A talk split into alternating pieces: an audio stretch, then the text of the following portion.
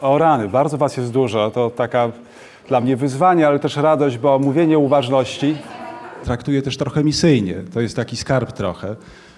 Także czuję się w jakimś sensie uprzywilejowany jako jego powiernik. Nie wiem, na ile uda mi się was tutaj zachęcić, pokazać, w jakimś sensie no, podoświadczać to mało, chociaż no, nie byłbym sobą, gdyby chociaż chwili byśmy tutaj nie zamknęli oczy i, i nie próbowali być bliżej tego czegoś, co być może wiąże się z uważnością.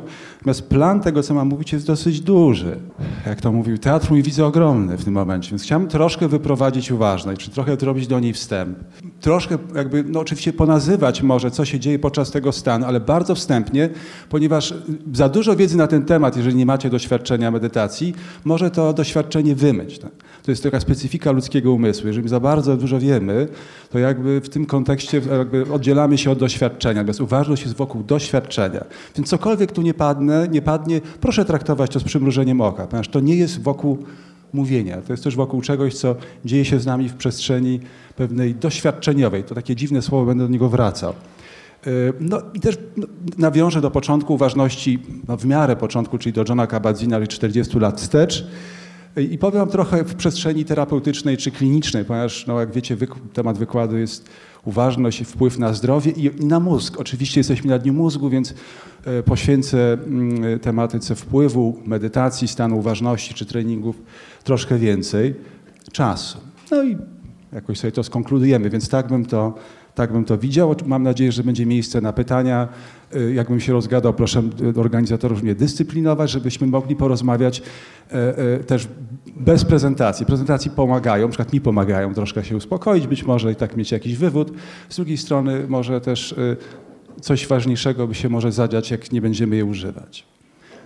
Jeżeli to jest dla Was w porządku teraz, żeby na moment zamknąć oczy, albo też pozwolić, aby powieki opadły delikatnie na policzki, albo też mieć otwarty wzrok, ale miękki, taki nieostry, nieskupiony.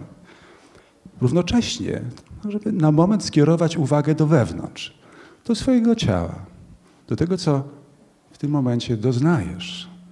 Doznajesz jako na przykład pozycja ciała. Jak to jest siedzieć teraz?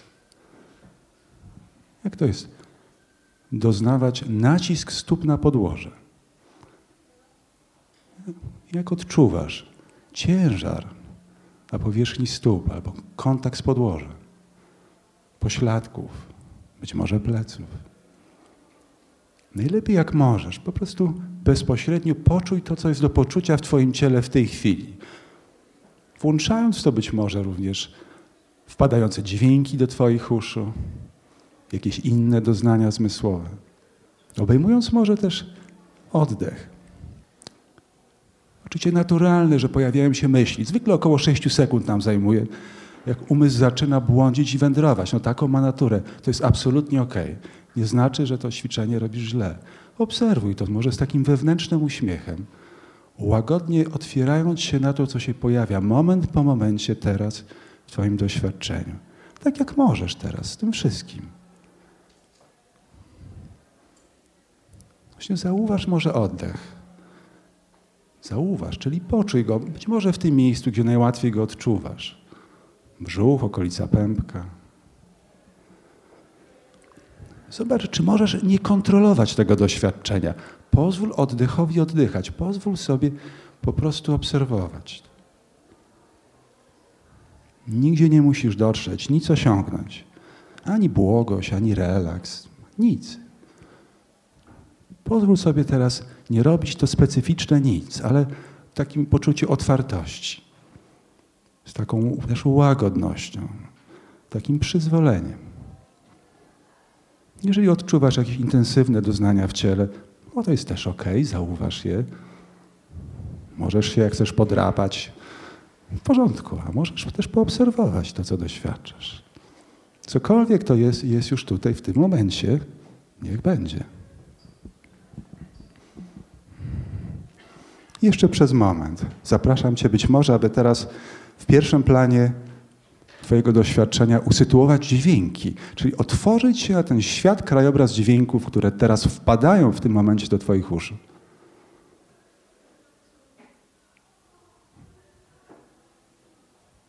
Po prostu doświadczaj je. jako doznania fizyczne, głębokości dźwięku, wysokości, tonu, melodii, prozodii.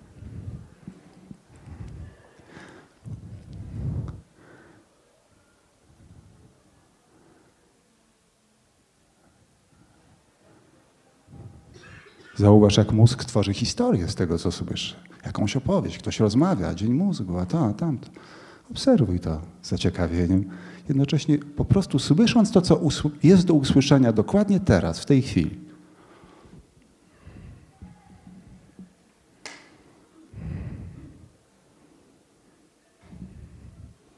Niektóre dźwięki odczuwasz jako przyjemne, może inne jako nieprzyjemne, inne neutralne. W porządku. Niech będą.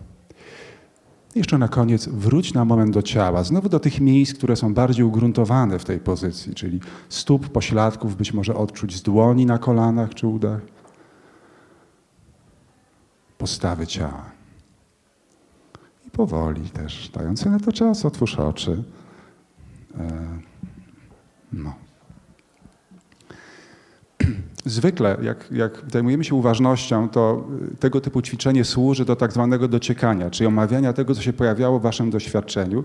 I to jest ogromnie ważne, że tak powiem też dydaktycznie i, i w sensie promowania pewnej zmiany czy wglądu, czy pewnego rozumienia, ale tutaj tego nie robimy, bo tu jest wykład, więc tutaj ja się produkuję, chociaż może się potem też to włączycie. Więc pozwólcie, że zostawię was tym doświadczeniem, jakiekolwiek by ono nie było, ale może będziemy do niego jakoś nawiązywać. No, to, że was jest tak dużo, trochę nie dziwi, no bo uważność jest no, hitem w jakimś sensie, do tego stopnia, że to już jest nawet trochę nudne. Jak mówię, no to mnie interesuje, się zajmuje, o Jezu, każdy to robi. Wszyscy, no w porządku. Cieszę się. No z drugiej strony to też rodzi pewne zagrożenia, o których nie będę tutaj mówił. Takiej McDonaldyzacji, spłycenia, takiego hip-hip hura, że to jest dobre dla wszystkich na każdy problem. Nie. O tym też niestety mało mówię, ale nie jest to dla każdego i na każdy problem. Natomiast niewątpliwie, jak coś się pojawia na okładce Time'a, to oznacza, że to jest znaczące. Jak widzicie, tych okładek Time'a jest sporo. Tak naprawdę to nie wyczerpuje pewnie okładek Time'a, również innych znaczących magazynów. To jest bardzo ważne e, zjawisko w obrębie psychologii klinicznej, medycyny, a w tej chwili to się rozszerza na całość doświadczenia. Mam takie nadzieję, że kiedyś w polskim parlamencie, podobnie jak w brytyjskim, też będzie medytacja, chociaż patrząc na to, co się dzieje w tej chwili z Brexitem, nie wiem, ile im to pomogło. Ale, no ale to tak, oczywiście dygresja. Także to jest rzeczywiście bardzo ważne zjawisko. Jak patrzymy na, widzicie, to jest taka e, krzywa wykładnicza, czyli to rośnie jako opętane, po prostu ilość publikacji. Jakiś czas temu starałem się je przeczytać, teraz oczywiście nie ma takiej opcji. E, ponieważ bardzo dużo ludzi się tym zajmuje. To jest ciekawy, wdzięczny temat i taki temat, w którym jak go dotykamy, to się okazuje, że nas otwiera, otwiera i, i pojawiają się nowe rzeczy, co też w pewnym sensie e, jest fajne, a z drugiej strony, nie wiem jak to powiedzieć, jest, jest takie właśnie zagrożenie takiego no, wylania trochę dziecka z kąpielą, jeśli chodzi o uważność i to się trochę dzieje. Nie wiem, czy Państwo widzicie reklamy. Sam używam laptopa ZenBook, tak?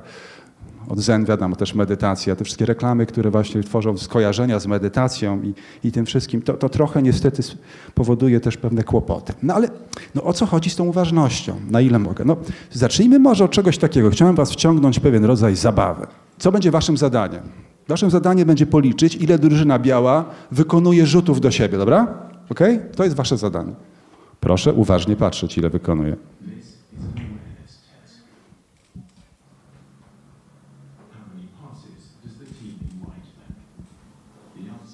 Ile? Ile? Ile było? Okej. Okay. Bardzo się cieszę, bardzo sprawnie liczycie. Czy ktoś z Was zauważył coś jeszcze w tym filmie? Ręka do góry. Kto zauważył coś dziwnego? Łapa do góry. O rany, no poniżej dziesięciu. To zobaczcie jeszcze raz, moi drodzy, w takim razie, co tam było w tym filmie.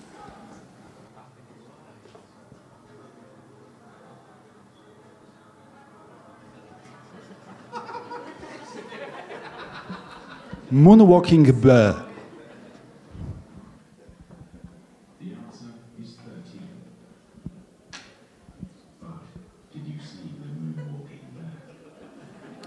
Okej, okay, to właściwie to idzie dalej, jest na przewinięcie i widać to samo, więc ja już to przerwę. Um,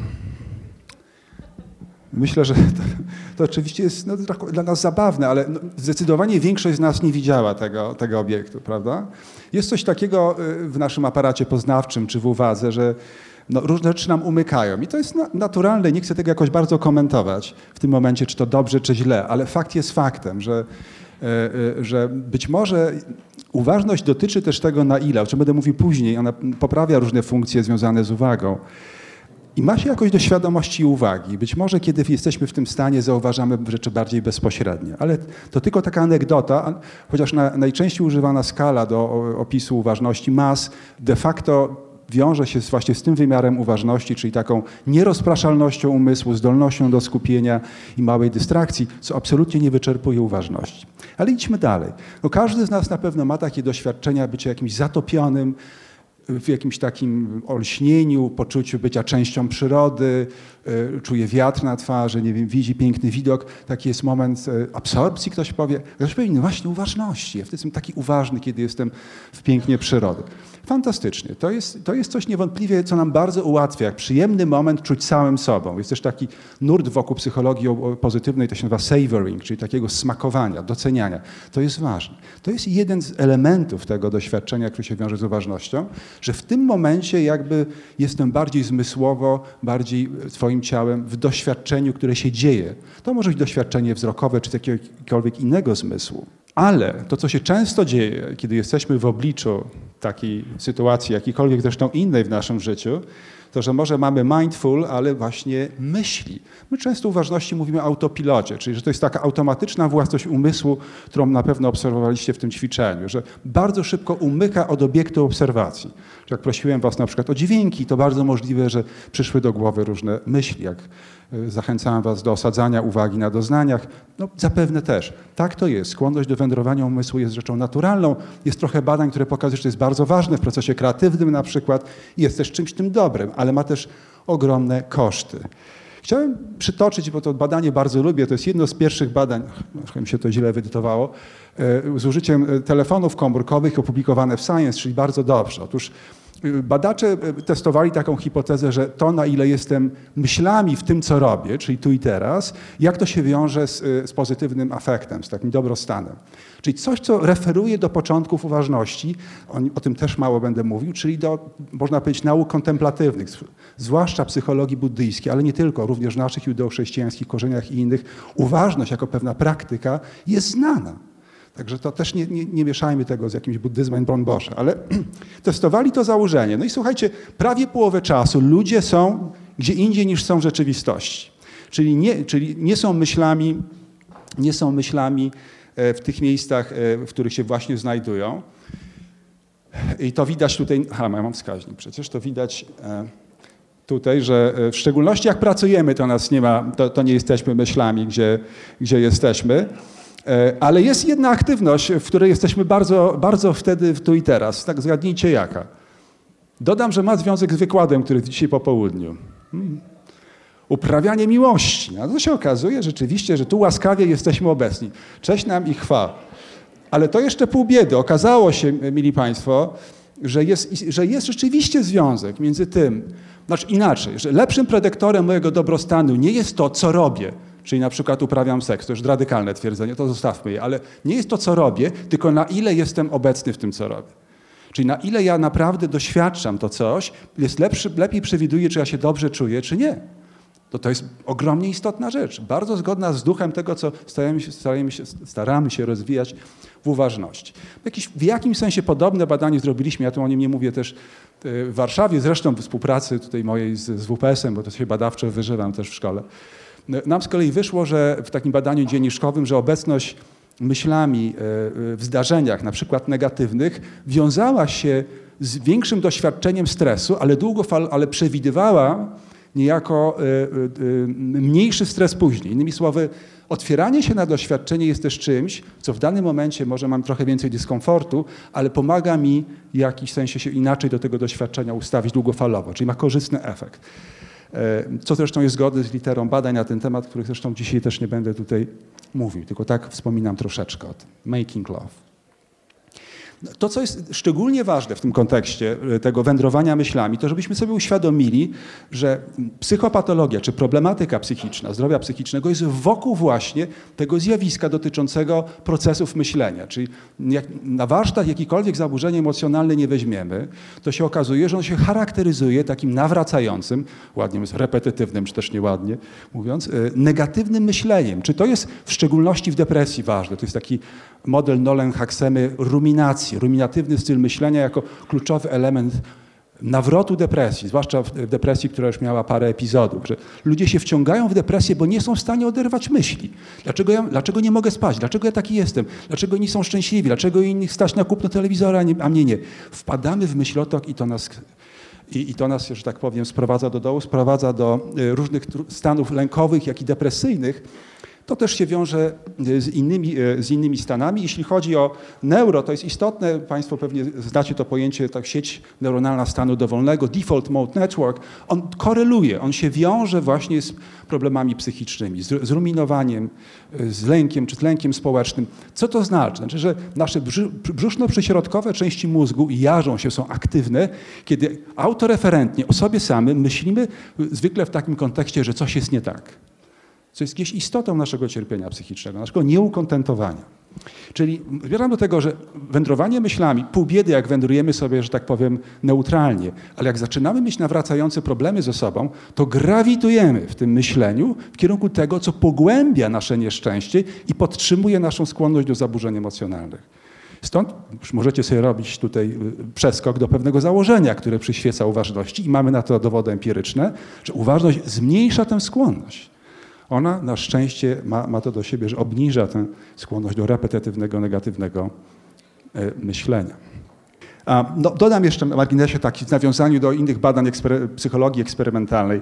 Ta nasza skłonność do skakania myślami. Przecież to wszyscy mamy, jak włączamy komputer. Nie? Być może nie mamy bloka, tylko mamy powiadomienie o mailach czy o innych zjawiskach.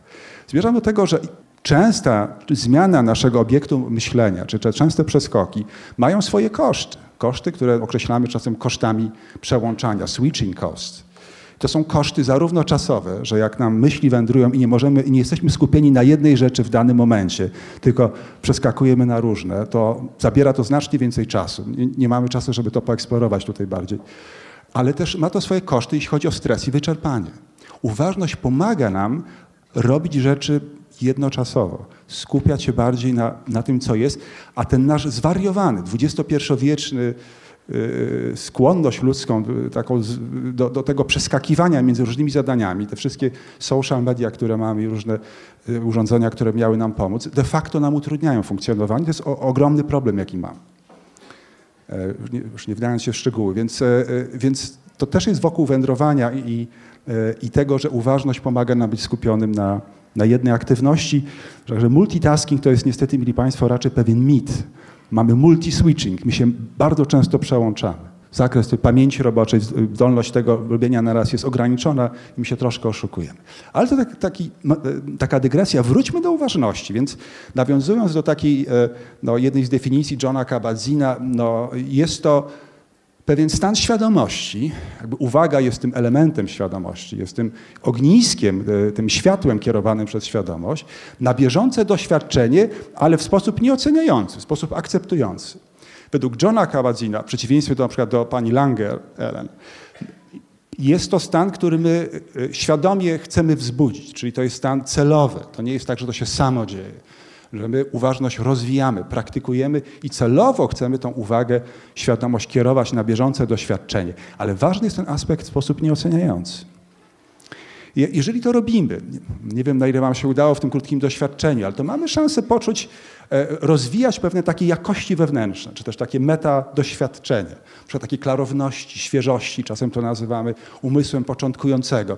Takiego, o, dzieci tego dużo mają, my jako dorośli to tracimy. Dzieci tak, o, o, my już wszystko wiemy, my już na wszystko mamy słowa, my żeśmy wszystko doświadczyli, prawda? Zgadzacie się ze mną. Mówię pół żartem, pół serio. Niestety w moim gabinecie terapeutycznym większość moich pacjentów ma takie poczucie, że ono już wie. E, ja też tak często miewam, ale uważność mi pomaga na szczęście złapać się na tym. Dlaczego to jest ważne? To jest bardzo ważne, bo ta świeżość i zainteresowanie doświadczeniem jest to jeden z aspektów też dobrostanu. To jest coś, co nam pomaga zauważyć nawet w trudnym momencie coś takiego wartościowego, świeżego, dobrego. No, możemy nawiązać do klasycznej poezji takiej, e, właśnie zen. Mój umysł jest jak księżyc jesienią. O jakże czysty i przejrzysty jest głęboki staw, do czego go porównać jest całkiem poza opisem. Bardzo często w wypadku uważności używamy poezji, bo dobra metafora jest lepsza niż tysiące słów. E, że jakby w uważności mamy szansę też doświadczać pewnego stanu wewnętrznego. Eksplorujemy w jakimś sensie to, co się odzwierciedla jak w stawie w naszym umyśle. Znowu słowa, słowa, słowa. Zapraszam Was do medytacji. To, co też robimy, ma charakter pasywny, ale trochę też aktywny. To, co Was zapraszałem, to żeby nie starać się dłubać w tym doświadczeniu siedzenia. Po prostu być, cokolwiek się z Wami nie dzieje. Jak swędziało, to swędziało. Jak w uszy tam jakiś dźwięk wpadał, to wpada. Jak były myśli, to były myśli. Staramy się to doświadczać i pozwalać temu być. To jest bardzo dużo wmieszanych też to funkcji wykonawczych pamięci roboczej i, i różnych rzeczy, które się dzieją w mózgu podczas tego, ale mm, to jest pewna zdolność, którą kształtujemy siedząc przysłowiowo na poduszce medytacyjnej, czyli medytując i, i cały czas obserwując tą skłonność naszego umysłu e, i puszczając ją.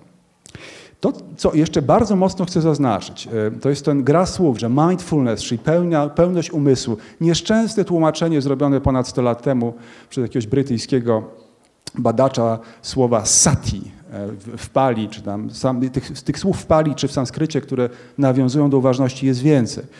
Ale jak patrzymy na takie ideogramy, to się okazuje, że one zarówno mają w sobie umysł, jak i serce. Bo zobaczcie, Kabazin mówi nieoceniający, ale tu chodzi o taki szczególny rodzaj świadomości, która jest ciepła, która jest jakoś przyjmująca, która jest otwarta, zapraszająca, nieoceniająca, serdeczna. Jeżeli używamy tego typu metafor, jeżeli to sobą też jakoś egzemplifikujemy jako nauczyciele uważności, to pomagamy nabyć ludziom coś niesłychanie ważnego, takie wyposażenie na całe życie. Jest tym taki y, współczujący stosunek do samego siebie. Kolejne niezwykle takie ciekawe i ważne, ważne pojęcie, które jest. Czyli e, e, z jednej strony my uczymy się jakby nie oceniać, nie waloryzować tak strasznie jak to robimy, a im więcej mamy problemów, tym bardziej jesteśmy waloryzujący, oceniający. Z drugiej strony staramy się być właśnie rozumiejący. To jest część bycia człowiekiem, że mnie boli, że mam depresję, że sobie nogę złamałem, że się jąkam. No, z czymkolwiek się nie borykamy jako ludzie. To jest część bycia człowiekiem. I tu wracamy do tego bycia człowiekiem dzięki uważności. To jest paradoks. Siedzę i medytuję, ale poznaję, jak działa mój umysł. Jak poznaję, jak działa mój umysł, to poznaję, jak działa twój umysł, jak twój umysł, jak twój umysł. Bo my wszyscy mamy to samo. To samo takie ble, ble, ble w głowie w jakimś sensie.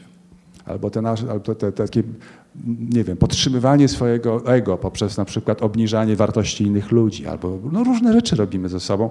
Dzięki uważności możemy y, to y, eksplorować. Dzięki temu nadaje też możliwość wglądu. Mam tę wielką radość się tym zajmować od paru lat właśnie z takim moim współpracownikiem i przyjacielem Tomkiem Jankowskim. Między innymi stworzyliśmy taki model y, y, meta, metapoznawczy uważności. O co chodzi? Jeżeli tak obserwujemy, to mamy dostęp, możemy widzieć różne piętra tego, co się w nas dzieje. Mogę patrzeć na siebie kogoś, który doświadcza, mogę być bardziej świadomy elementarnych doznań, takich kwalli, które się dzieją w moim ciele, mogę widzieć, jak na nie reaguję no, nie wdając się w szczegóły. To metapoznawczy aspekt uważności jest czymś bardzo istotnym, bo on nam pozwala właśnie jakby być trochę z boku, a zarazem nie kontrolując, uzyskać w pewnym sensie kontrolę nad tym, co się w nas dzieje, ale poprzez y, takie ciekawe y, y, zjawiska, które niwelują tak zwane efekty ironiczne. Efekt ironiczny na przykład, to taki profesor Wegener to odkrył, im bardziej nie chcę o czymś myśleć, to tym bardziej o tym myślę. Tutaj uważność daje, mamy trochę badań na ten temat też wstępnych, że to rzeczywiście tak jest, że dzięki temu no, y, to się nie dokonuje. E, I, i, I, to, co jest kluczowym takim mediatorem też z badań różnych e, dotyczących efektów uważności, stanu uważności i tego dobroczynnego, to jest to, co czasem nazywamy decentracją. W innych tradycjach, czyli na przykład w akcie, czyli te, terapii zaangażowania i akceptacji, tam jest mowa o dyfuzji poznawczej, czasem mówimy o dystansowaniu poznawczym. To jest w tej chwili rozumiemy taki e, e, transdiagnostyczny mechanizm psychoterapii, ale szczególnie ważny w uważności. Co to jest ta decentracja? Jeszcze potem pokażę wam tak bardziej obrazowo. Chodzi o to, że ja się nie zlewam z moim doświadczeniem. Przychodzi mi do głowy, gadasz głupoty, załóżmy. No. No okej, okay, mam myśl, że gadam głupoty. To nie znaczy, że ja gadam głupoty, nie znaczy, że jestem głupi. Znaczy, to jest coś takiego, że ta decentracja pozwala mi się nie utożsamiać z przedmiotem moich myśli albo mojego doświadczenia. Mogę je bardziej neutralnie obserwować sobie. To jest decentracja. To jest coś niesłychanie ważnego. To taki mechanizm, który pomaga nam być bardziej zdrowymi psychicznie, bardziej elastycznymi, e, bardziej e, e, zdolnymi być w trudnych momentach. Bo słuchajcie, jak jest ładne, piękne miejsce, jesteśmy w górach i nad jeziorem, to żadna sztuka być uważnym. To każdy. Ale w obliczu tego, jak nas coś boli, jak się z czymś borykamy, żeby jakoś też z tym być, a zarazem nie wylać właśnie tego wszystkiego, nie skrytykować się, nie, nie, e, jakoś tak do, doszczętnie, nie wbić w jakiś straszny stan, to jest trudniej.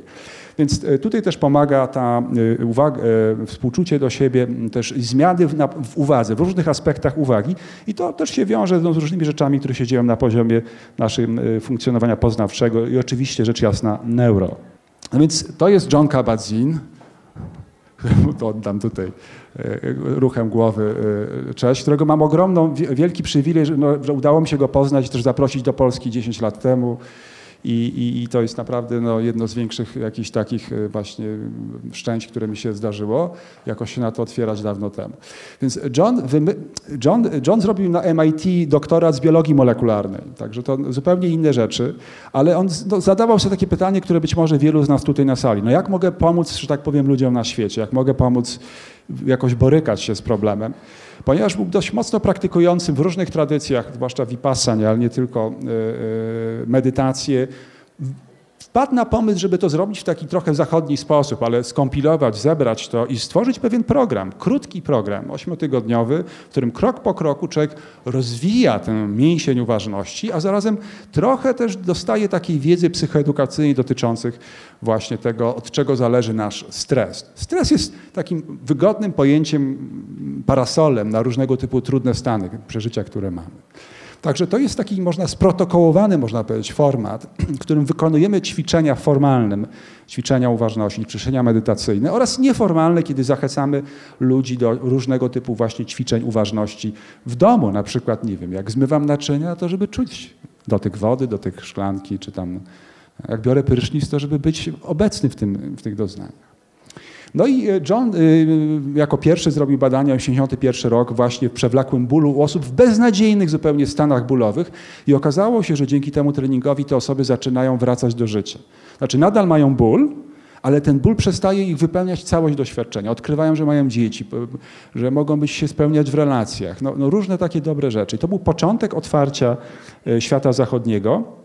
Brawa też dla dyrektora szpitala w Massachusetts, który się zgodził na taki wariacki pomysł. Dał mu, dał mu pokój koło kotłowni, bez żadnego okna, gdzieś tam huczało i tam się to zaczęło. No teraz jakby, a teraz to już no, na świecie, jak wiecie, jest dość popularne. Więc robimy różne ćwiczenia. No, to tylko tutaj rzucam hasło. One eksplorują uważność w różnych aspektach zmysłów, ponieważ wrotami do naszej rzeczywistości do, do, są nasze zmysły. My staramy się w tych ćwiczeniach mniej pośredniczyć przez język, przez słowa, które używamy. Zresztą to jest niesłychanie ciekawe. Są też takie badania z psychologii eksperymentalnej, które na przykład pokazują, jeśli chodzi o pamięć autobiograficzną, że to jest też ważne dla mnie jako psychoterapeuty, że tak my pracujemy coraz bardziej na doświadczeniu, na wizualizowaniu, na wracaniu do pewnych wspomnień, a mniej na słowach w pewnym sensie. Dlaczego? Bo y, nie wdając się w szczegóły tego, już tego badania, ale tam by, były trzy warunki jakby eksperymentalne.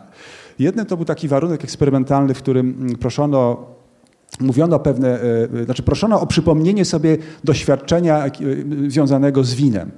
Chodziło o wspomnienie smaku wina, tam też jakieś były bodajże jeszcze inne, typu lawenda. E, I w drugim e, ludzie mieli myśleć, mieli używać słów, mieli właśnie jakby, no, widzieli słowo lawenda i mieli o tym sobie e, myśleć na ten temat. W trzecim warunku były obie rzeczy. Dodam, że jak wyobrażamy sobie, nas to bardziej uruchamia. Mamy starsze wspomnienia, mamy głębsze, bardziej nasycone emocjonalnie. Słowa dają nam wiele różnych, ale powierzchownych, nie tak głębokich. No okazuje się, że jak warunek połączymy oba, to niestety słowa wygrywają. Czyli mamy nadal dużo, ale niepogłębionych, niedoświadczeniowych. Więc my staramy się w ważności bardziej wracać do tego doświadczenia. Mniej przez pośredniczenie y, przez słowa. I to jest takie hasło, które bym was chciał wy, y, stąd wypuścić. Wyjdźcie stąd na zewnątrz i poczujcie zapach, dotyk powietrza, na, ciężar ciała podczas tego, jak zmieniacie. To jest piękna praktyka, praktyka chodzenia na stopach. Dajcie sobie chwilę luzu, żeby no, nie musieć myśleć, co będzie za moment. Świetnie, że myślimy, ale może czasem warto trochę mniej to robić. No dobrze, więc to był początek, to są lata 80., a potem stało się coś, co jest w jakimś trochę rewolucyjne, jeśli chodzi o psychoterapię. To jest trzecia fala terapii poznawczo-behawioralnej, e, w której my już bardziej kładziemy nacisk nie na zmianę treści naszych przeżyć, typu dyskusje z myślą w depresji, jestem do niczego, nic mi się nie uda. Ja raczej zmieniam relację z tą myślą. Mniej się do niej przywiązuję. Jestem bliżej doświadczenia tej myśli w moim ciele. I, i jest okej. Okay bardziej akceptuje. Także tu jest cała rodzina różnych rzeczy, z tego najważniejszy, bo najbardziej przebadany, i to, to Was do tego zachęcam, też się tym zajmuję badawczo, to jest Mindfulness-Based Cognitive Therapy, czy terapia poznawcza oparta na uważności, ale to jest też jakby w kontekście różnych problemów psychicznych są jakby adaptowane protokoły MBSR do danego problemu czyli na przykład mindfulness-based relapse prevention w uzależnieniach i tak dalej, i tak dalej. No i też jest w szerokiej rodzinie mamy też takie bardzo ważne, nowe, nowoczesne metody terapii, tak jak właśnie wspomniana terapia e, akceptacji i zaangażowania, czy dialektyczno-behawioralna terapia. Tam uważność, praktyki medytacyjne mają duże znaczenie, ale nie decydujące. Tymczasem jak jest mindfulness-based, to oznacza, że to jest główny wehikuł zmiany, zwiększanie zdolności do bycia uważnym. No i troszkę o depresji porozmawiajmy, żeby, po pierwsze to jest kluczowy problem, przed którym stoimy. Już w tej chwili to jest na drugim miejscu, jeśli chodzi o koszta społeczne e, i, i, i wyprzedziło ostatnio e, choroby e, sercowo-płucne, jeśli chodzi o ogólne, ogólne konsekwencje zdrowotne, a w, uważa się, że mniej więcej 2050 będzie już na pierwszym miejscu. Wyprzedzi nowotwory i choroby sercowo-naczyniowe. Depresja jest ogromnym naszym problemem i wyzwaniem. Przyjrzyjmy jej się trochę. Tak mało, mało czasu to troszeczkę. Przede wszystkim chciałem zaznaczyć, że terapia depresji to nie jest, pro, to nie jest problem e, do końca leczenia jednego epizodu, bo wszyscy mamy prawo, mniej więcej co piąta osoba na sali będzie miała epizod depresji w ciągu życia. Problem jest w tym, że ona nawraca. Jak miałem raz depresję, epizod depresji, co najmniej dwa tygodnie znacznego obniżenia nastroju, anhedonii i tam wielu innych objawów, to prawdopodobieństwo, że będę miał kolejny jest 50, jak będę miał dwa razy, to, że trzeci to 75 i tak dalej, i tak dalej. I im więcej mam epizodów, tym mniejsze ma znaczenie to, co go wyzwala. Może na początku dostałem, bo mnie wyrzucili ze szkoły, bo mnie rzuciła dziewczyna, bo to, bo tamto. Ale im dalej w las, tym to ma mniejsze znaczenie. A co ma znaczenie? No właśnie te procesy myślenia, uwarunkowane, nabyte, e, związane właśnie z takim wdeptywaniem się w pewien nastrój i nadmierna reaktywność emocjonalna.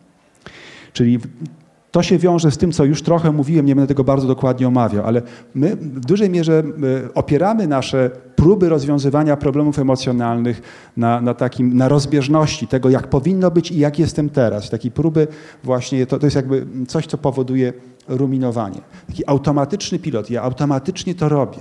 Nie mogę przestać tego robić. Ciągle oceniam swoje doświadczenie, czy ono jest dobre, czy niedobre. Jak to robię, no to właśnie jest ta fuzja poznawcza. Ja się identyfikuję, że ja to jestem żałosny, że smutek, apatia, czuję to w ciele. Nie mogę iść dzisiaj wieczorem się spotkać ze znajomymi, bo zobaczą, w jakim jestem beznadziejnym stanie. I to jest takie zlane ze mną, kiedy jestem w depresji. No, e, e, właśnie Mark Williams, John Teasdale, e, Zindel Seagal pojechali do Johna Kabat-Zina do Massachusetts, żeby poznać ten nowy, jakiś ciekawe zjawisko, jakim jest MBSR.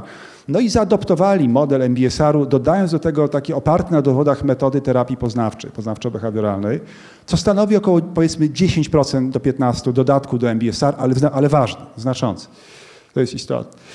I stworzyli też taki krótki format dosyć y, treningu, y, też gdzie jest nacisk na, y, na praktyki formalne, nieformalne, oczywiście też pewne ćwiczenia takie psychoedukacyjne i, i tak dalej.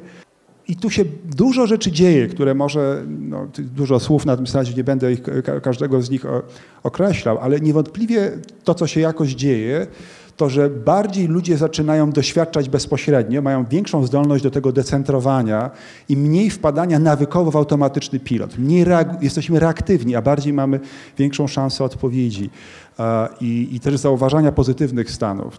Są różne mechanizmy, zresztą ja mogę o tym mówić dużo, bo też badania wokół tego robię. Czyli w tej decentracji ja już przeżywam te doświadczenia wewnętrzne jako doświadczenia, a nie jako mnie w tym stanie. To jest bardzo istotny element. Dobrze. Czy no dobrze, przepraszam, ale czy to pomaga, czy to rzeczywiście pomaga? No, mamy bardzo twarde dowody. Rzadko w psychologii klinicznej mamy taki efekt. efekt. Mamy trzy odchylenia standardowe różnicy.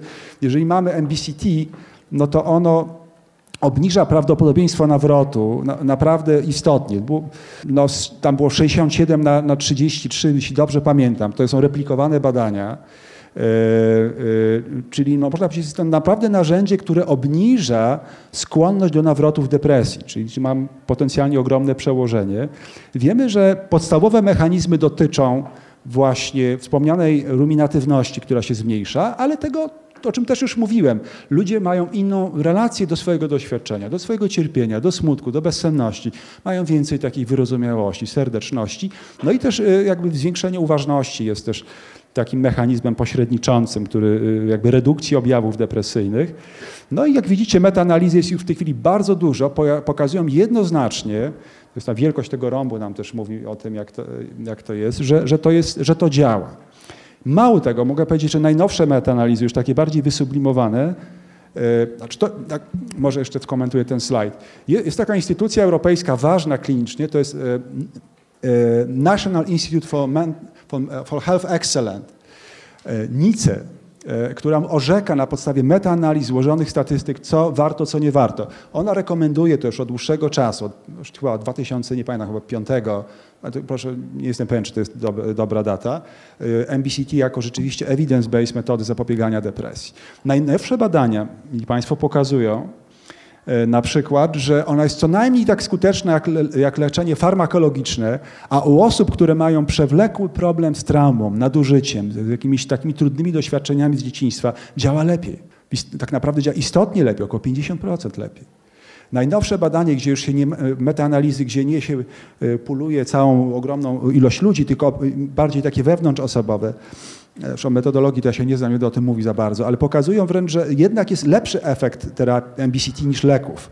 Również MBCT jest co najmniej tak skuteczna jak inne evidence-based metody zapobiegania nawrotom depresji, terapia poznawcza, poznawczo-behawioralna, a w niektórych badaniach nawet lepsza, czyli coś jest ewidentnie na rzeczy.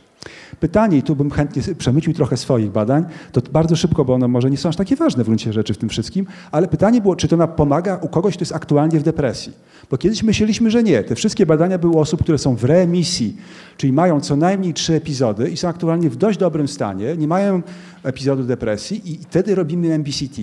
Pytanie, które od paru lat sobie zadajemy, a jak ktoś jest w depresji, czy to może pomóc? Czy medytowanie może pomóc komuś, kto jest zatopiony w tych czarnych myślach? Odpowiedź jest, wydaje się, że może i też to tutaj e, no, robiliśmy takie badania.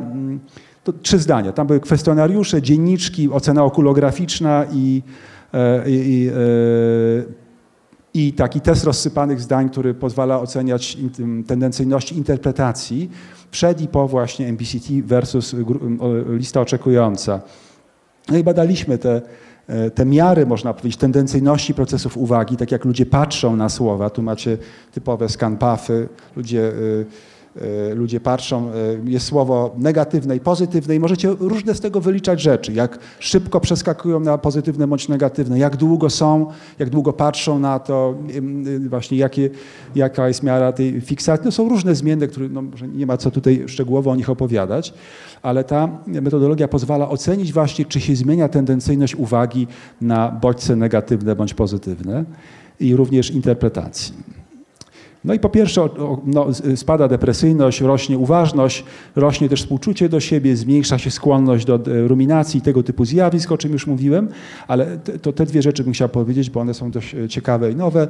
No, no rzeczywiście jest tak, że, e, że no, są mniejsze, mniejsze tendencyjności uwagi. Tu jest istotna różnica w stosunku do grupy kontrolnej, też jest różnica przed i po, czyli można powiedzieć, że osoby patrzą znacznie dłuższy czas na pozytywne słowa po treningu MBCT. I to też ma związek z tym, że się czują lepiej. Czyli mamy też taki dowód dzięki temu, że rzeczywiście uważność zmienia nasz sposób jakby postrzegania uwagi. I to również u osób depresji i również to się wiąże z, ze większą skłonnością do tworzenia y, pozytywnych zdań, kiedy macie zdania takie ambiwalentne, że możecie ułożyć z nich albo pozytywne, albo negatywne. Dobrze, to tyle o tych badaniach. Jeszcze dodam, bo jesteśmy w jakimś projekcie z Instytutem Nęckiego. To zresztą projekt niestety ma no, ogromną turbulencję teraz, więc on jest nie, mm, e, więc to jest tylko na małej liczbie osób, więc to, to są w ogóle, w tym sensie metodologicznie to nie jest miarodajne, bo to mamy rzędu 7, 8, 9 osób, ale też widać, że mm, w takim zadaniu regulacji uwagi, którego, emocji, który tu nie będę mówił, że rzeczywiście, że MBCT no, zmienia sposób regulowania emocji. Mamy tutaj zmiany w hipokampie, który się też wiąże z, między innymi z pamięcią emocjonalną, z dostępem do informacji takich faktograficznych, ale krótko mówiąc też z regulacją emocji i też z innymi MCC, czyli takim y, przyśrodkową częścią y, zakrętu obręczy, która też się wiąże, y, można powiedzieć, szeroko rzecz ujmując, z regulacją emocji. To też takie badania nasze jeszcze nie, nie publikowane. No ale teraz dobrze, spróbujmy, spróbujmy zobaczyć, jak to jest w problemach zdrowotnych. Więc jest masę metaanaliz, wiemy, że to pomaga w różnych problemach psychicznych, które są pierwotne i wtórne, czy pierwotne typu depresja, jakieś, nie? ale wtórne, czyli w różnych chorobach somatycznych. Każda, zwłaszcza przewlekła choroba somatyczna, wiąże się, mieli Państwo, z tym, że ludzie mają gorszą jakość życia, borykają się swoimi symptomami, mają jakieś takie właśnie problemy depresyjno-lękowe. Bardzo dużo jest badań, które pokazują, że uważność jest pomocna. Mało tego, drugi obszar, e, gdzie wiemy, że MBCT czy e, uważność jest pomocna, są uzależnienia. Mamy tutaj dowody na to, e, uważność to jest ten zielony słupek, że po 12 miesiącach zwłaszcza osoby, które są uzależnione od substancji, mają mniejszy wskaźnik nawrotu do używania. Czyli bardzo to jest ciekawe. Uważność pomaga radzić sobie lepiej z głodem substancji czy też zachowań. Również to dotyczyło alkoholu. Ten efekt nawet jest mocniejszy. Ludzie mniej piją, mniej wracają do picia dzięki uważności, porównując do innych evidence-based metod. To samo dotyczy palenia na przykład. Przemknąłem się przez zdrowie psychiczne, bo chciałem się troszkę bardziej skupić na, jeszcze na zdrowiu fizycznym i na neuro. Więc y, masę tego, co robi uważność, dzieje się dzięki no, buforowaniu czy odwracaniu negatywnych efektów stresu. Pamiętajmy, że stres przede wszystkim uderza w takie, powiedziałbym, neuroendokrynne układy, czyli przede wszystkim to, co mamy w rdzeniu y, nadnerczy, które produkuje noradrenalinę i adrenalinę. To jest ten wyrzut adrenaliny przysłowiowy, kiedy mamy, przeżywamy stres, to nas bardzo obciąża. A drugi to jest taki mechanizm przez podzgórze przysadkę korę nadnerczy, które produkuje z kolei kortyzol, czy te hormony sterydowe. I one mają negatywny wpływ, zwłaszcza przewlekle. Na przykład mają także, działają obniżająco na układ immunologiczny, czyli to jest często coś, co jest podłożem wielu różnych problemów, z którymi się zmagamy, problemów stricte somatycznych. Wiemy, że uważność to w jakimś sensie buforuje czy zmniejsza. Tu macie mm, taki bardzo ładny wykres, który to pokazuje. Po pierwsze jest spadek aktywności pewnych struktur, w innych jest y, na czerwono mamy spadek, na niebiesko wzrost. No, ważne jest, że y, prefrontal cortex, kora przedczołowa ma większą jakby aktywność, natomiast obniżone są E, na przykład ciała migdałowate, które, to, to jest kluczowe struktury naszego mózgu emocjonalnego, poprzez, które powodują ich, nadak, przepraszam, ich nadaktywność wiąże się e, na przykład e, właśnie z nadmiernym przeżywaniem lęku, depresji czy innych tych negatywnych, destrukcyjnych emocji, co też uruchamia te spirale stresu, uruchamia te procesy fizjologiczne. Więc uważność rzeczywiście to zmniejsza. Ona zmniejsza aktywność współczulną, E, e, zmniejsza ilość wydzielanego kortyzolu na przykład, a też zwiększa na przykład e, wydzielania hormonu DHA, który jest dosyć korzystny dla naszego zdrowia.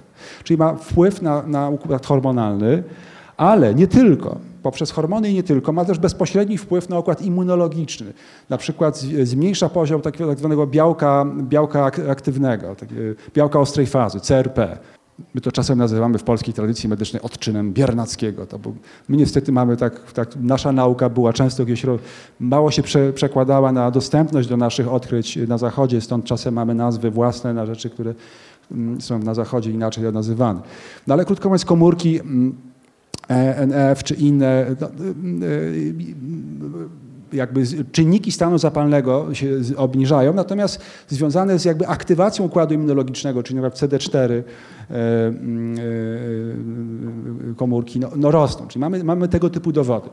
Co jest chyba najbardziej ekscytujące, to i, i to jest już, mówię, no też jest element już badań, to, że medytowanie, mieli Państwo, wydłuża nam życie. Dlaczego? Bo wpływa na tak zwaną aktywność teleomerazy. Telomery są zakończenia chromozomów ich replikacja i zdolność do replikacji warunkuje jakby nasze życie, w tym sensie, że my się odtwarzamy, mówiąc metaforycznie. I, I, niestety stres oksydacyjny, różne zjawiska powiązane właśnie szeroko związanym stresem powodują spadek aktywności tego enzymu teleomerazy.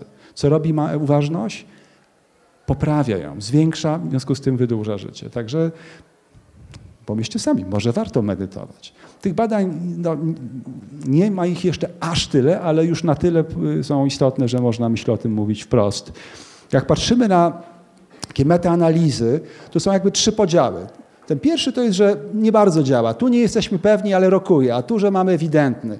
Ewidentny, jak, wy, jak widzicie, mamy w wielu różnych problemach, w różnych chronicznych chorobach, gdzie mamy ten odczyn taki psycho, psychofizyczny, bym powiedział, negatywny, to pomaga, jakości życia i tak dalej. Depresja, ból, lęk, nawet psychoza się tutaj znajduje, proszę bardzo. Zaburzenia somatyzacyjne, czyli bardzo dużo takich problemów to się mieści w obrębie zaburzeń somatoformicznych, czyli różne niespecyficzne objawy z naszego ciała, na które nie ma dobrego wyjaśnienia fizjologicznego. To jest bardzo częsty problem i tutaj uważność też jest pomocna. Tak widzicie, to jest cancer general, czyli też mamy, wiem, że w nowotworach. Czy to znaczy, że uważność odwraca proces? Niezupełnie, ale zmniejsza nieco tą właśnie procesy zapalne, zmniejsza kortyzol, na pewno zwiększa jakość życia i różne inne istotne znaczniki dobrostanu więc o tyle ma duży sens. Badań idzie cała masa, cała fura. No właściwie no nie ma prawie takiej choroby, gdzie ktoś nie próbuje patrzeć, czy uważność działa. Mogę to ogólnie skomentować, że działa mniej bądź bardziej, tak? ale nie zawsze jest tak, że działa. E, dużo mamy w badań e, z bólem, jest duża tradycja robienia badań nad bólem, począwszy właśnie od lat 80. Johna Kabat-Zina. Jakbyśmy mogli mówić o korzyściach, jest ich cała masa, jeśli chodzi o uważności. No ogólnie no, pomagają nam się bardziej otworzyć i cieszyć życiem takim, jakim ono jest. I też zmniejsza trochę to nasze uwikłanie w myślenie, jakiś taki rodzaj codziennego zmagania i cierpienia. No i też, jak mam nadzieję, tutaj słyszeliście Państwo, argumentowałem, wpływa korzystnie na nasze zdrowie. No ale mamy niewiele czasu, więc przejdźmy do mózgu. Co się dzieje w mózgu? To masę badań jest robione w Madison przez tego pana Richard Davidson, profesor Davidson. To jest taka bardzo ważna figura, jeśli chodzi o neuronaukę, afektywną neuronaukę i badania nad medytacją. No i też się robi na, to jest Matthew Ricard, czyli syn filozofa Paula Ricoeur. To jest mnich buddyjski, jak widzicie, no, z Francji tak naprawdę, ale no bardzo rzeczywiście zaawansowany medytacyjnie, e, który i reszta świty Dalaj Lamy dali, dają się badać. I to, co wynika z tych badań, jest rzeczywiście no, niezwykłe. I troszkę o tym powiem, tylko troszkę. Znowu, ilość publikacji rośnie, tutaj też wykładnicza, to mam, macie jakieś dane. Dodam, że one, jakby tak rzetelnie na nie spojrzeć, to bardzo różne metody, różnie ludzie rozumieją, co to jest medytacja uważności tak zwana, bardzo różne paradygmaty, metody, narzędzia. To nie jest tak, że to spójnie można powiedzieć, tak szczerze mówiąc, od kuchni, to tu trzeba z ostrożnością podchodzić, bo naprawdę ludzie w różny sposób i różnymi metodami badają rzeczy i twierdzą, że badają to samo. A jakbyśmy się przyjrzeli bliżej, co to jest uważność, jest bardzo trudno zdefiniować. Wydaje się bardzo prosta, a w literaturze jest około 26 mniej więcej definicji mechanizmy, które wiemy, że działa, to reguluje uwagę, zmienia uwagę, zmienia percepcję siebie, ja, o tym będę też mówił, zmienia świadomość ciała i reguluje emocje w różny sposób. To są główne mechanizmy i jakby mamy trochę wiedzy na temat ich neuronalnych korelatów, neuronalnych substratów i tak wydaje się, że uważność działa. Jeśli chodzi o uwagę, no, taki model Posnera, klasyczny uwagi, mówi o, o uwadze, o takim aspekcie czujności, to jest takie, wiecie, jakiś dźwięk i jesteśmy tacy no, vigilance, gotowi go zauważyć i tak dalej. Natomiast już potem, jak już obiekt trafi w nasze pole uwagi, no to kierujemy na niego uwagę, odłączamy naszą uwagę od czegoś, gdzie patrzyliśmy wcześniej, e, utrzymujemy tę uwagę. No i, i żeby się to też zadziało, potrzebujemy kontroli uwagowej albo kontroli wykonawczej, takiej zdolności do hamowania, przełączania i tak dalej.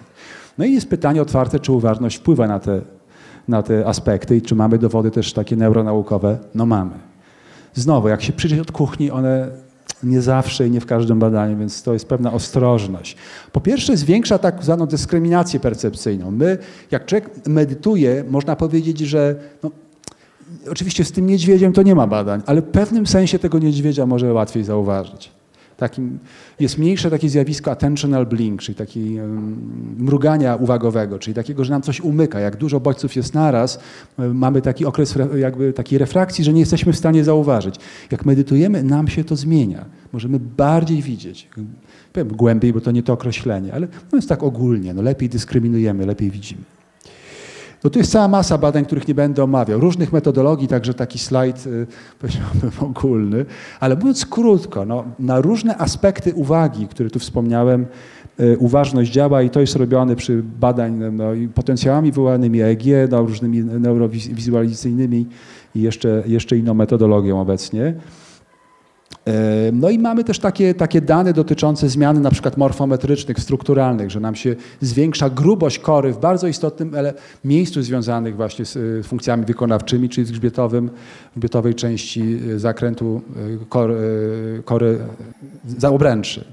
Też z Tomkiem żeśmy zrobili badania, teraz są w recenzji, gdzie się okazało, że też jest właśnie wspomniany mniejszy koszt przełączania, lepsza kontrola wykonawcza i mniej tego default mode network. To jest coś, na czym chciałem się na chwilę zatrzymać. To są zwłaszcza badania Farba, też, y, też 2007-2010. Y, pokazuje się, że przed i po treningu uważności, jak i też w pewnych zadaniach związanych z budzaniem y, uważności, ludzie mają bardziej aktywne struktury powiązane z odczuwaniem ciała, z taką korą somatosensoryczną. To jest skrzyżowanie skroniowo-ciemieniowe i wyspa, insula, zakręt wyspy. E, również pewne, pewne, pewne części e, kory grzbietowo-bocznej. W przeciwieństwie do osób kontrolnych, gdzie tego, gdzie tego jest mniej, a to ja jest przeżywane bardziej jako historia i opowieść. Czyli pamiętacie to, co mówiłem wcześniej o doświadczeniu. Dzięki uważności ja jestem bardziej zakorzeniony w moim ciele. Teraz to zakorzenienie jest silnie koreluje z moją odpornością na stres. Czyli na przykład poziom aktywności insuli wiemy, że był skorelowany w badaniach Sony Lazar ze zdolnością jakby radzenia sobie ze stresem. Zamiast myśleć cały czas, jak, jak bardziej jestem otwarty na moje doświadczenie trudne, mogę je w sobie, że tak powiem, w jakimś sensie zintegrować. Dzięki uważności ja jestem mniej w tej całej narracji, która bardzo często dryfuje w kierunku a to narcyzmu, a to depresyjności, a to jakieś walki. Zobaczcie, jak Polska jest podzielona wokół koncepcji. Wystarczy wrzucić jedno słowo i zaraz będziemy się tutaj tłuc. A tutaj jakby odkrywamy coś takiego, no nie trzeba. No, można być bliżej, bliżej doświadczenia, bliżej ciała. No i to mamy na to dowody. Można powiedzieć, że to są takie kluczowe obszary, gdzie mamy wyraźne zmiany. To są zmiany zarówno w aktywności sygnału BOLT w efemeraju, ale też w pewnym sensie zmiany takie właśnie strukturalne. E, no właśnie, tu jest kolejne takie badanie też, no już nie będę je omawiał, ale z grubsza pokazuje to samo, co już wam powiedziałem. To są też obszary powiązane też ze świadomością ciała i też z regulacją emocji coraz bardziej o tym wiemy. Na przykład kora wyspy też się wiąże ze świadomością, też właśnie regulowaniem swoich przeżyć emocjonalnych i takim sprzężeniem poznawczo-emocjonalnym, to zwłaszcza e, e, kora przedczołowa, PFC, który zresztą za chwilę też będzie. No więc właśnie, czy, czy wprowadzi na, do zmian strukturalnych, co znaczy strukturalne, że mamy, wie, mamy pogrubienie tego płaszcza, czyli tej kory mózgowej, czyli, czyli, czyli komórek nerwowych, czy nam się pogrubia, czy innymi słowy, czy jest więcej tych komórek, e, czy mamy więcej połączeń, czy mamy więcej włókien, czyli tych aksonów, to, to, to jest bardzo ładna, to, tutaj widzicie taki, taki ładny, można powiedzieć, malarski, to jest traktografia, czyli pokazuje szlaki nerwowe, czyli te, te jakby aksony, czyli istotę białą. I, i no, są znowu różne metodologie i tak dalej. Okazuje się, że mózg wpływa, no, nie mózg, medytacja, uważność wpływa, mówiąc jednym prostym słowem, zwiększa neuroplastyczność. No teraz w jaki sposób? Na przykład no to jest jedno z metaanaliz, jest ich dużo tych, także to tylko pokazuje, że, że tych badań jest wiele i też no, oni są robione na różnych osobach i medytujących zen, e, i właśnie e, MBSR, i, e, i, i MBCT i różne inne. Ale to, co mamy, to, to mamy znowu dowody na to, że zwiększa się grubość właśnie kory tej przedczołowej. E, nie tylko aktywność, ale właśnie grubość, czyli mamy takie zmiany właśnie strukturalne, morfometryczne i również, i również wspomnianej wyspy. Jak już Wam mówiłem, są kluczowe obszary dla naszej regulacji emocji, dla no, bycia z emocjami, dla radzenia sobie i też dla procesów poznawczych. Mało tego, zobaczcie, to też Sonia Lazar pokazała, że jeżeli medytujemy, a robimy to rzeczywiście porządnie, czyli regularnie, to jest najważniejsze, nie od jakiegoś wątku, regularnie, codziennie, choćby nawet chwilę, e, no to, to nas, nasz mózg się wolniej starzeje. Tu, jak widzicie, jest to narysowane jako taki spadający do dołu linia. Czy mamy spadek grubości kory związany z wiekiem? No bo słuchajcie, no, tak niestety jest, że z wiekiem nasz mózg się starzeje i nam trochę tych komórek odchodzi, że tak powiem. Nasza, robi się coraz cieńsza nasza kora. Jak medytujemy, ten efekt jest mniejszy. Mamy dowody na to, że u osoby medytującej 40-50-letniej że średnia grubość kory, osoby, która medytuje, ma 40-50 lat, jest porównywalna ze średnią grubością kory u osoby niemedytującej w wieku 20 lat. To, tych badań jest więcej wokół tego. Też na przykład inteligencja płynna się obniża również mniej więcej podobnie, czyli, czyli, ba, czyli dużo mniej z wiekiem. Tak? Czyli to jest, my ćwiczymy nasz mózg po prostu. To jest, jak odchodzimy od języka medytacji i tak dalej, o tych czasem mówię jako po prostu treningu uwagi albo treningu umysłowym. To jest pewien rodzaj treningu i on rzeczywiście robi coś dobrego dla naszego mózgu. Dobrze, na szczęście już niewiele zostało. No więc właśnie zmiany po tych ośmiotygodniowych treningach są wyraźne, chcę tylko powiedzieć, i też dotyczą tych kluczowych miejsc. Ciekawostka również móżdżek. Móżdżek też ma różne, nie tylko koordynację ruchowo-czuciową, ale też, też się wiąże z regulacją emocji. No i też wspomniana amygdala jest bardzo ważna w psychologii klinicznej, bo ta amygdala, czyli, czyli te mm, ciała migdałowate, no, ich nadmierna aktywność wiąże się z nadmierną skłonnością do silnych negatywnych emocji i ona się obniża. Co ciekawe, niesamowite, ale zgodne też z założeniem kontemplatywnym, wpływa też na rdzeń przedłużony i struktury, które tam są, które regulują na przykład nasz głęboki oddech, częstotliwość oddechu czy ciśnienie krwi. I mamy dowody, rzeczywiście, że wolniej oddychamy i nam spada ciśnienie krwi dzięki medytacji. Nie jakoś dramatycznie, nie, nie, wyleczy tym, nie wyleczymy tym kogoś, kto ma soli, e, nasilone naciśnienie, ale mamy dane trochę, też taki projekt gdzieś tam mamy w tle teraz, że, że to jednak pomaga regulować również ciśnienie. No i wreszcie te zmiany w istocie białej. Można powiedzieć siła połączeń poprzez te szlaki, te, te, te, te trakty, te dukty, czyli te drogi po prostu neuronalne się też y, no, zwiększa, y, no, po prostu mózg bardziej inaczej działa. No i chcę dodać, to jest ważna sprawa, że jest efekt dawki, czyli im więcej emitujemy, tym mamy więcej efektów, tym, tym mamy więcej pozytywnych. Także to nie jest tak, że minutę dziennie i to istotnie wpłynie. Coś da, ale za mało. Najwięcej badań dotyczy bardzo długo medytujących versus y, nowic, czyli versus takich, którzy no, dopiero zaczynają. I można być no, ogromna różnica, taka no, fundamentalna. Mózg zupełnie inaczej pracuje osób, które medytują. To jest, znacie, jest taka zasada 10 tysięcy godzin. Czy to pianino, czy medytacja, tak się przyjmuje. Przy czym chodzi nie o ilość godzin, ale też jakość tych godzin. Niektórzy medytujący, tak jak Mingyur Rinpoche, to ma 36 tysięcy godzin. Możecie sobie policzyć, ile to jest lat siedzenia na poduszce non-stop. Oczywiście dla nas normalnie jest to nie do niemożliwe, ale tak jak argumentowałem i będę jeszcze za moment, nawet trochę medytacji zmienia mózg i nasze funkcjonowanie. Jak medytujemy, też zdolność do współczucia się zmienia. No naprawdę jest, jest inaczej i też jest taki w korze ruchowej u mnichów taki impuls, żeby wstać i pomóc. My często mamy taką reakcję empatyczną, jak najszybciej ulgi, wrzucić 5 zł bezdomnemu i zwiać. Oni mają inny rodzaj wręcz w mózgu reakcji na sytuację doświadczenia cierpienia drugiej osoby. No i kończąc to, na, dzięki uważności, jak zaczynamy, nasze ciała migdałowate mniej się aktywują, lepiej sobie radzimy z negatywnymi bodźcami, wydarzeniami. Ale jak wiele lat medytujemy, my nie musimy sobie radzić przez amygdale. My rozwijamy coś, co się bardzo istotnie wiąże z tą dziedziną, otóż taką zdolność do większej równowagi. W sanskrycie to jest opisywane jako upeka. upeka.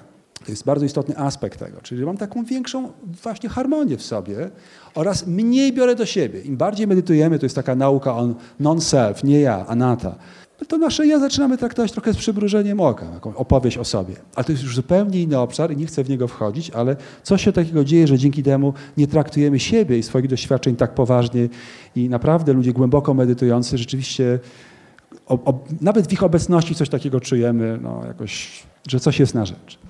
No także tych, mówiłem o tych różnych obszarach, już nie ma na to czasu. No, z grubsza mam nadzieję, że pamiętacie przynajmniej całą ideę, że to wpływa na mózg, na różne istotne obszary dla naszego funkcjonowania emocjonalnego, poznawczego i, i że to opóźnia starzenie i, i rzeczywiście jest czymś dla nas korzystnym.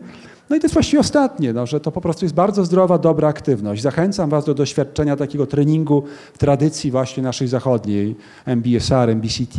Jak się borykacie z depresją albo macie kogoś, to takie MBCT, zwłaszcza u osób, które mają depresję nawracającą co najmniej trzy epizody, wtedy to najlepiej działa, ale tak jak argumentowałem wcześniej, nawet aktualnie w depresji może też pomagać.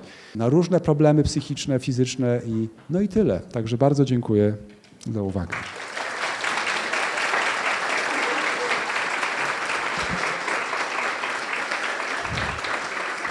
Dziękuję bardzo.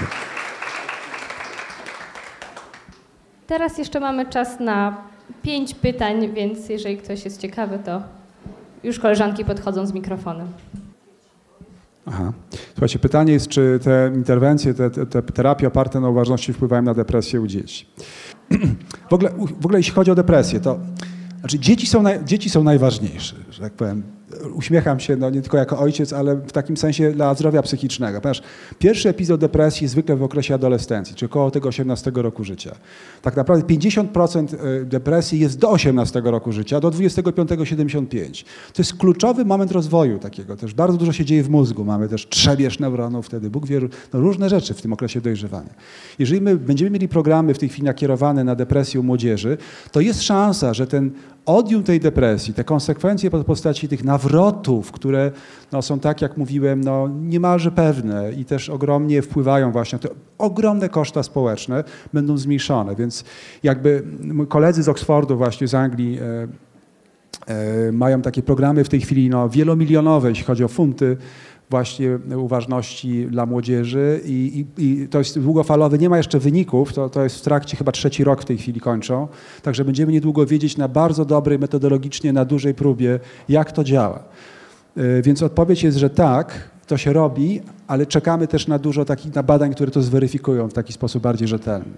Ja chciałem zapytać, czy taka aktywna medytacja, która polega na żonglowaniu, też ma podobne skutki takie zdrowotne? Żonglowaniu w sensie? Tak.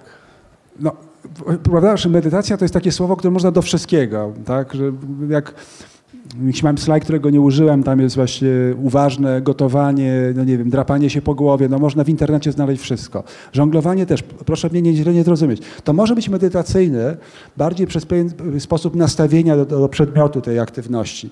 Ale trochę odwracając, czy idąc innym tropem, bo tego do tej pory nie powiedziałem. Bardzo ważną częścią treningu uważności jest aspekt y, treningu związanego z ruchem. Uważna, uważny ruch, czasem to się mówi uważna yoga. To jest bardzo ważne. Jakby ruch, I też wiemy, że promuje aktywność fizyczną uważność, że się bardzo z tym wiąże. Niektóre badania pokazują, że to jest element, kluczowy aspekt treningu uważności, to jest jak uczymy ludzi właśnie uważnego ruchu. To się różni od takiej typowej jogi tym, że mniej chodzi o, wiecie, te akrobatyczne moje zdolności, a bardziej na świadomość całego ruchu, który wykonuję, choćby on był bardzo prosty że to i mamy też sporo badań na ten temat, że to jest, że to jest bardzo y, dobre. Mało tego, yoga jest bardzo dobra. Też poważne badania, też robiliśmy tutaj projekt w szkole, który ma pewną turbulencję niestety, więc nie jest opublikowany, ale też nam to wyszło w miarę fajnie. Chodzi o efekty jogi w porównaniu z biegania. Mm, więc, więc o żonglowaniu mi trudno powiedzieć, ale wiemy, że żonglowanie, jak to już pewnie Max może powiedzieć więcej, ale ćwiczy różne aspekty też takie mentalne, więc na pewno jest dobre. Więc zachęcam do żonglowania oczywiście również. E, ja bym chciał zapytać taką jedną rzecz, mianowicie e, nie wiem, czy może nie spostrzegam na slajdach, ale jak uważność ma się do zaburzeń, które są związane z nerwicą natręstw? Czy jest to jakby też uważne? To jest e, właśnie też zauważyłem, coraz więcej ludzi też jakby się skarży na takie przypadłości i czy też jest to metoda, która po prostu pomaga w czymś takim? No, dziękuję za to pytanie. Ja może odpowiem na to też i wąsko i szeroko że tak powiem. Czyli nerwica natręstw, jak Państwo wiecie, to jest zaburzenie obsesyjno-kompulsyjne, czyli takie, no, zwykle to jest chroniczny problem polegający na tym, że co najmniej godzinę dziennie ja mam takie nawracające, niechciane, niestosowne, budzące stres i napięcie myśli, nazywamy je obsesjami albo ideacjami i reaguję na nie napięciem, które próbuję rozładować poprzez kompulsję, na przykład kompulsywne mycie rąk. Tak, jesteście tu, ktoś to ma, zaraz będzie bieg do łazienki, mył ręce w zrytualizowany sposób, może i ciało, może coś tam. To jest taki najbardziej biologiczny zaburzeń lękowych i najtrudniejsze do leczenia de facto, jeśli chodzi o problemy szeroko pojęte neurotyczne. Jeśli chodzi o literaturę związaną z uważnością, mamy dowody, że może być pomocna. Ale wiemy, że też niekoniecznie. Na przykład ja mam porażkę, taką, mam taką pacjentkę, nie umiałem za bardzo pomóc. Uważność próbowałem też i przez moment była skuteczna, ale do czego służy czasem ludziom niestety uważność? Do jeszcze lepszego monitorowania tego, co wzbudza, e, czy ona dzięki uważności mogła dostrzegać takie plamy, które mogły być krwią wokół siebie, przeczesywała swoją pamięć dużo lepiej, użyła ją w takim celu, który podtrzymywał zaburzenie.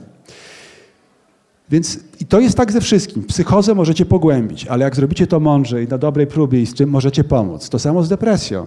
No też mam takie doświadczenia, robiąc to od lat, że u niektórych osób jest gorzej. To naprawdę nie jest jak, jak młotek, który wszystko traktuje jak gwoździe i można każdą rzecz tym zrobić. Nie. Więc przede wszystkim uważam, że jak są jakieś problemy kliniczne, to nie uważność na mieście taka, no nie wiem, MBSR, tylko najlepiej w kontekście jednak osób, które mają pojęcie o zdrowiu psychicznym, bo to trzeba robić ostrożnie, to trzeba robić w kontekście danego problemu, odpowiednio monitorując i też ma, mając pod uwagę działania niepożądane. One są też w medytacji, tylko my do tej pory nie chcieliśmy się nimi naukowo zajmować, ale koleżanka e, z Brown University, Emily Britton, Willie Britton ostatnio publikowała dużą pracę na ten temat. Jest ich sporo, różne dysocjacje, właśnie mogą być nawet momenty psychozy. Jak ktoś jeździ na dłuższe odosobnienia, mi się to zdarza, to już parę razy miałem, ktoś tam wiedział, że się tym zajmuje i, i kogoś w manii, czy kogoś w psychozie. No, no, czy ja to mówię, to mówię to trochę dlatego, że to jest to dużo daje, ale to też dobrze, żebyśmy mieli przewodnika. No naprawdę to jest ważne, żeby to nie robić tylko z Headspace'a, jak już to robić, tylko szukać też ludzi, którzy no, mają doświadczenie, sami przechodzą przez różne meandry swoich, bo są różne jakby piętra i poziomy tego. To się tak wydaje płaskie tylko z lotu ptaka. Im bliżej, to bardziej widzimy tam dużo y, na przykład y, w tej literaturze bardzo ciekawej psychologicznej, buddyjskiej, psychologii buddyjskiej mamy przynajmniej 17 jakby takich y, Dżany. Dżana to jest właśnie taki, taka, taka praktyka uwagowa. No więc jakby bardzo dużo różnego typu stadiów, i, które się mo może w tym dziać i, i też jakichś, jakichś takich zjawisk w naszym umyśle, które, które dobrze, żeby ktoś mógł monitorować. Zaznaczam, ja mówię o tym pogłębionym stosunku, takim no, jak trochę to robię i głównie słuchając Headspace'a, to nie powinno mieć działań niepożądanych, ale w OCD może iść dwie strony. Wiemy, że Uważność sprzyja na przykład y, przeformułowaniu poznawczemu, też mam takie y, dowody z własnych badań, i zwiększa zdolność do ekspozycji tak zwanej ekstynkcji, czyli wygaszania reakcji. Bo ja jestem bardziej w doświadczeniu, a przez to można powiedzieć no, takie kluczowe mm, obszary związane z, z jakby z, z, z, przeuczaniem się, które oduczają nas tego reakcji lękowej się, się bardziej aktywizują. Więc to może być, ale może i nie może. Także jak, jakiekolwiek zaburzenie weźmiecie, to może pomagać, ale może też nie pomagać. Dlatego to ostrożnie, ostrożnie, ostrożnie. Czy mógłby Pan na koniec udzielić praktycznych porad osobie, która by chciała rozpocząć taką praktykę uważności? Więc najlepiej, jeżeli zgłosi się do kogoś, kto ma, jest nauczycielem, e, czy ma certyfikat, no krótko mówiąc, ma jakąś gwarancję jakiegoś ukończonego szkolenia E, certyfikującego w którejś z metod, teraz mówimy MBI, Mindfulness Based Intervention, głównie chodzi o MBSR, MBCT albo Mindful and Compassion Based Sleeping, MBCL. To są takie główne w Polsce przynajmniej, no, głównie na zachodzie. No więc to jest jedna rzecz, żeby ktoś miał ukończone. Najlepiej, gdybyście mogli przeczytać, czy on to robi od lat, czy to no, czy ta osoba jakoś praktykuje, czy ma jakichś swoich nauczycieli, no, czy to jest takie, wow, to jest fajne, w ogóle hot, idę na trening, bo też, no, nie wchodzę od kuchni, ale część osób to robi tak trochę nieprzygotowane. Y, no więc to na pewno warto się tym kierować. Jeżeli to jest problem trochę kliniczny, to lepiej do kogoś, kto ma wykształcenie z psychologiem, nie wiem, lekarzem, no, ma jakąś wiedzę też o zdrowiu psychicznym, bo można być jakby nauczycielem czy trenerem, niekoniecznie będąc klinicystą, ale jak już jest problem kliniczny, to bym zachęcał, żeby ktoś miał jakieś oko nad tym. No i teraz e, jest takie między innymi to, to, to towarzystwo, które współzakładałem w 2008 roku.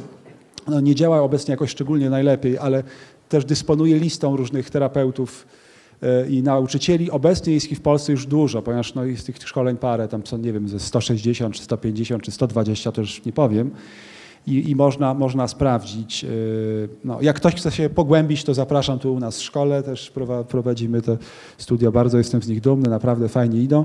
No i też można się uczyć tego MBCT, ale tak naprawdę to ośmiotygodniowy i jakby MBSR to jest taki format, który daje pewną gwarancję. On jest naprawdę sprawdzony, jest sensowny, to pomaga.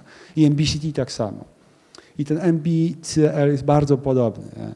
Jak ktoś bardziej chce w kierunku współczucia, to są też inne na przykład Mindful Self-Compassion, ja też, też, też się tym zajmuję. No, można, jest, jest na rynku tych opcji więcej, ale dobrze, żeby nauczyciel był kimś, kto nie zrobił kursu w weekend, tylko no, to są przynajmniej dwuletnie takie no, i, i też mają dużo wymagań na początku, które powinny być spełnione, żeby ktoś w ogóle na tę ścieżkę wszedł.